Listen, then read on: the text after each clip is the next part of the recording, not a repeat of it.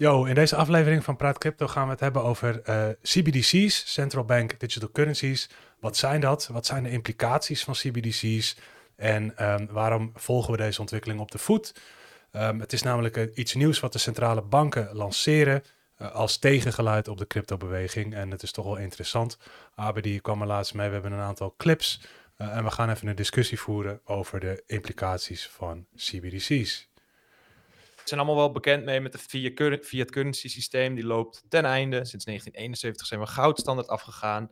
En uh, je ziet nu met hoge inflatiecijfers, zie je gewoon dat het oude systeem echt op zijn laatste uh, ja, benen loopt eigenlijk. En um, misschien kennen jullie allemaal nog wel die clip van een paar jaar geleden van het hoofd van de BIS. De BIS is van Bank of International Settlements. Dat is eigenlijk de centrale bank uh, van de centrale banken. Misschien kunnen we die clippen nog even bijhalen. Maar daarin kondigt hij dus eigenlijk al aan dat we van cash afgaan en naar een centrale banken digital currency. Uh, laten we hem eens even instarten. Uh, we tend to establish the equivalence with cash. Uh, and there is a huge difference there. For example, in cash, we don't know, for example, who's using a $100 bill today. We don't know who is using a 1,000 peso bill today. Uh, a key difference in, with the CBDC is that central bank will have absolute control on the rules and regulations that will determine the use of that uh, expression of central bank liability. And also, we will have the technology to enforce that. Nou, in deze clip wordt dus eigenlijk aangekondigd dat ze van het cash af willen en eigenlijk het cash systeem willen vervangen met een nieuw soort central bank digital currency maar dan compleet onder hun eigen controle en dat het programmeerbaar is. En uh, waar wij natuurlijk naar crypto juist meer naar die vrijheid zoeken, dat wij onderling weer geld kunnen uh, uitwisselen, eigenlijk digitale cash, uh, zijn de banken nu met een soort systeem bezig, dat kondigden ze toen al aan, om eigenlijk volledige controle te hebben door middel ja, van een central bank digital currency en een technologie. Um, nou was vorige week dus de World Government Council en uh, ja, daar hebben we ook een clip van. En je ziet op het begin uh, een vrouw, die wordt geïnterviewd. En die kondigt eigenlijk aan, uh, die gaat eigenlijk verder op wat hij zei al in 2018. En um, ja, laten we die clip ook even starten. What underpins a world order is always the financial system. Hmm. Uh, I was very privileged. My father was an advisor to Nixon when they came off the gold standard in 71. And so I was brought up with a kind of inside view of how very important the financial structure is to absolutely everything else. And what we're seeing in the world today, I think, is we are on the brink of a dramatic change where we are about to, and I'll say this boldly, we're about to abandon the traditional system of money and accounting and introduce a new one. And the new one, the new accounting, is what we call blockchain. It means digital. It means having a almost perfect record of every single transaction that happens in the economy, mm-hmm. which will give us far greater clarity over what's going on. It also raises huge dangers in terms of the balance of power between states and citizens. In my opinion, we're going to need a digital constitution of human rights if we're going to have digital money. Uh, but also, this new money will be sovereign in nature. Most people think that digital money is crypto and private. But what I see are superpowers introducing digital currency. The Chinese were the first. The US is on the brink, I think, of moving in the same direction. The Europeans have committed to that as well. And the question is will that new system of digital money and digital accounting accommodate the competing needs of the citizens of all these locations so that every human being has a chance to have a better life? Because mm. that's the only measure of whether a world order really serves. Ja, um, wat mij opviel aan deze clip is dus dat ze eigenlijk dus een nieuw geldsysteem aankondigen. Um, waarbij ze ook blockchain gaan gebruiken, maar programmeerbare blockchain. Dus uh, waarbij Bitcoin iedereen mee kan doen. Iedereen kan een wallet openen. Zeggen ze hier heel duidelijk: het is programmeerbaar, het is soeverein, dus ze gaan het zelf uitbrengen. En zij kunnen dus ook bepalen uh, wat er gebeurt. Nou ja, dus, het was wel te verwachten, toch? Deze, deze ontwikkeling. Ja. Uh, de, ja. De, de, de, de, genie is out of the bottle. En dan, ja, ze gaan proberen de tegenpol te creëren. de gestuurde variant, de centrale variant. Ik zie dat wel als een normale ontwikkeling. Uh, maar het is wel een reactie op hetgeen wat die cryptobeweging heeft opengebroken. Um, en ja, je ziet, je ziet in China heel erg met die sociale kredietscore bijvoorbeeld waar dat soort dingen heen kunnen gaan. En het is, het is wel een soort slippery slope van uh, controlemaatregelen. Um, die, de, die ook heel makkelijk kunnen zorgen onder het juiste, um, onder het juiste mandaat eigenlijk voor uitsluiting en censuur. Ja. Uh, want de, je ziet overal in de wereld state of emergencies. En onder het motto van een, een, een noodoplossing worden de meest bizarre dingen geïntroduceerd.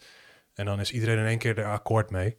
Ja. Uh, en, en, dat is gewoon wel. En, en als dat gebeurt, dan, hebben, dan heb je wel eigenlijk behoefte aan een alternatief waar je op kan terugvallen. Uh, wat je wel nog bepaalde mate van vrijheid kan geven. Ja. Ja, dat, dat trekt ons ook aan, aan crypto zelf, zeg maar. Maar je ziet, crypto wordt gewoon overal aangevallen. Uh, nu door de EU ook. Uh, op deze Government Council, ik heb veel gekeken van die clips. Um, ja, hebben ze het ook veel over hoe moet het reguleren en dit kan zo niet. Maar je ziet dus de tegenhanger. Zij willen dus zeg maar een soort central bank digital currency. Maar je moet goed begrijpen dat zij de controle dan hebben. Net als het oude bankensysteem. And one of the key things that this industry, i.e. blockchain, has touted was a permissionless environment. The inability to control, thwart, or edit what happens on the network per se. What are your thoughts with regards to the fact that every single central bank that has endeavored to issue or who is actively issuing a central bank digital currency are using a permissioned environment? And against that backdrop of that thought, is this wise or unwise? Anyone, please. Yeah. Um, a central bank will never, ever, ever use an open, permissionless, public blockchain. It's just never going to happen. It would be insanity. Uh, the, Why? Because it's all about control. Dus wat kunnen ze doen? Ze kunnen dus persoonlijk iedereen hun rente aanpassen. Ze kunnen zeggen van nee, jij hebt al, want die CO2-tax komt er ook aan. Die kunnen ze ook allemaal installeren. Ze kunnen zeggen van oké, je hebt te veel CO2 verbruikt, je mag niet meer reizen. Dus ze kunnen heel erg, wat je dan een beetje krijgt, is een soort, ze kunnen heel erg gedrag gaan, uh, ja, gedrag kunnen gaan beïnvloeden. Manipuleren, beïnvloeden en, en ook ja. uh, belonen. En andere mensen straffen op gedrag en op, op ook, uh, want je, kijk, op internet laat je datasporen achter, gegevens, browsen, zoeken. Maar je laat ook een financieel spoor achter van transacties met sowieso in het banksysteem. Ja. Um, uh, ook in de telefonie sector, uh, alles. Digitaal laat je spoor achter. En nu straks, als je dus geen toegang meer hebt tot cash, mm -hmm. um, dan is alles digitaal. En voor hetzelfde geld, in een bepaald scenario, uh, het is niet een gegeven dat het zo gaat, dat het zo gaat lopen, maar kunnen ze gewoon zien wat je koopt, wanneer je het koopt. Daaruit kun je alles afleiden, hoe je je leven leidt, um, wat je voorkeuren zijn, wat je hobby's zijn, wat je eet, wat je drinkt. Uh, wat je rookt, uh, alles. Ja. en, en op basis daarvan ja, kan men heel simpel gezegd um, mensen uitsluiten. Ja. Of, of voorrang geven. Hè? Of, en, en dat is gewoon, dat zijn wel enge ontwikkelingen die, die, die je in een niet zo verre toekomst zou kunnen gaan voorstellen. Misschien niet direct bij ons op de stoep, maar nee. er gebeuren genoeg dingen in de wereld waardoor dit soort dingen dichtbij kunnen komen. Ja, want je ziet ook het ene, aan de ene kant zit een oud geldsysteem ten einde. En ten, aan de andere kant willen ze dus een nieuw systeem uh, erin sluipen. Maar ik zie gewoon uh, de vrijheid voor mensen zit in de vrijheid van transactie en de vrijheid van bewegen. Daarom ben ik ook zo fan van die peer-to-peer -peer cryptocurrencies. Dat geeft de vrijheid aan elk mens om mee te doen aan het systeem. Dat gaat mensen uit armoede juist halen, omdat je dan kan werken aan je toekomst. Je hebt vrijheid om de transacties te hebben, met iedereen te handelen met wie je wil. Je hebt toegang. Um, en dit is juist schril contrast daartegenover, waarbij ze zeggen van het is, je, mag niet permissieloos uh, innoveren, niet iedereen mag meedoen en wij bepalen zeg maar uh, wie meedoet en wie niet. En uh, wat ik hier vooral uit haal is dus, ja, dus werk gewoon aan een alternatief systeem. Zet nu alvast je eigen crypto wallets in, want wees niet afhankelijk straks van één systeem. waarbij andere mensen dus bepalen wat je wel en niet mag doen. Ja, dat is inderdaad wat we ook altijd inderdaad blijven herhalen. Hè, van, uh, het is voor ons in, de, in zekere zin ook een hedge. Dus een, ja, een, een, een, een, een stukje risicospreiding. Want ik zie gewoon wel aan alle kanten dat het originele kaarthuis instort of dat er scheuren ontstaan in, in het algemene narratief, het verhaal. Ja. En dat klopt gewoon niet meer. En het is niet meer houdbaar. Je ziet het met geldprint, je ziet het met inflatie. Ja. Ehm, en wie bepaalt alle regels van die CBDC's? Ja, uiteraard de banken. En, en wie hebben alle problemen in zekere zin deels veroorzaakt uh, vanuit de traditionele legacy-infrastructuur? Uh, ja, uh, ook banken en overheden in die zin. Ja. Um, met het monetaire beleid. Ja. En het continu blijven zoeken naar groei. Um, dus ja, dat is wel interessant om te blijven volgen. Ja, en, zeker. Wat, wat daar gebeurt ook op die kant, hè? Ja. ja, je ziet wel dat dat heeft natuurlijk best wel impact op wat er in die cryptowereld gebeurt. Dus uh, ook met, met wetgeving, EU-wetgeving, uh, continu die, die, die verboden op uh, Bitcoin in China. Ja. Elke keer is het weer al oh, crackdown, alles verbieden, mag niet meer. En, en dan heb je weer even een kleine dip. Maar het is heel lastig om, te, om dit te verbieden, omdat het een globale beweging is waar, ja, als het eenmaal gelanceerd is en het draait en het, het, is, het is live, die code is live, de blockchain draait, mensen kunnen een nood hebben. Ja, zie dat maar eens volledig weer uh, terug in het doosje te krijgen. Dat is, uh, het is onmogelijk. Ja, en ook alle landen zeg maar op dezelfde pagina te hebben met dezelfde wetgeving. Maar ja, dat is natuurlijk wel hè, waar je voor een paar jaar geleden niet over de New World Order kon beginnen. Uh, dan dachten ze van, wat is dat voor uh, gekkie? And the title of this session, Are we ready for a new world order? Dus ja, daar zijn we ze wel echt actief mee bezig. Uh, dus dat, ik zie dat ook een beetje dat dat een beetje zo'n top-bottom solution is, zeg maar. Een paar mensen aan de top, die komen bij elkaar, die denken dan van oké, hoe kunnen we het oplossen?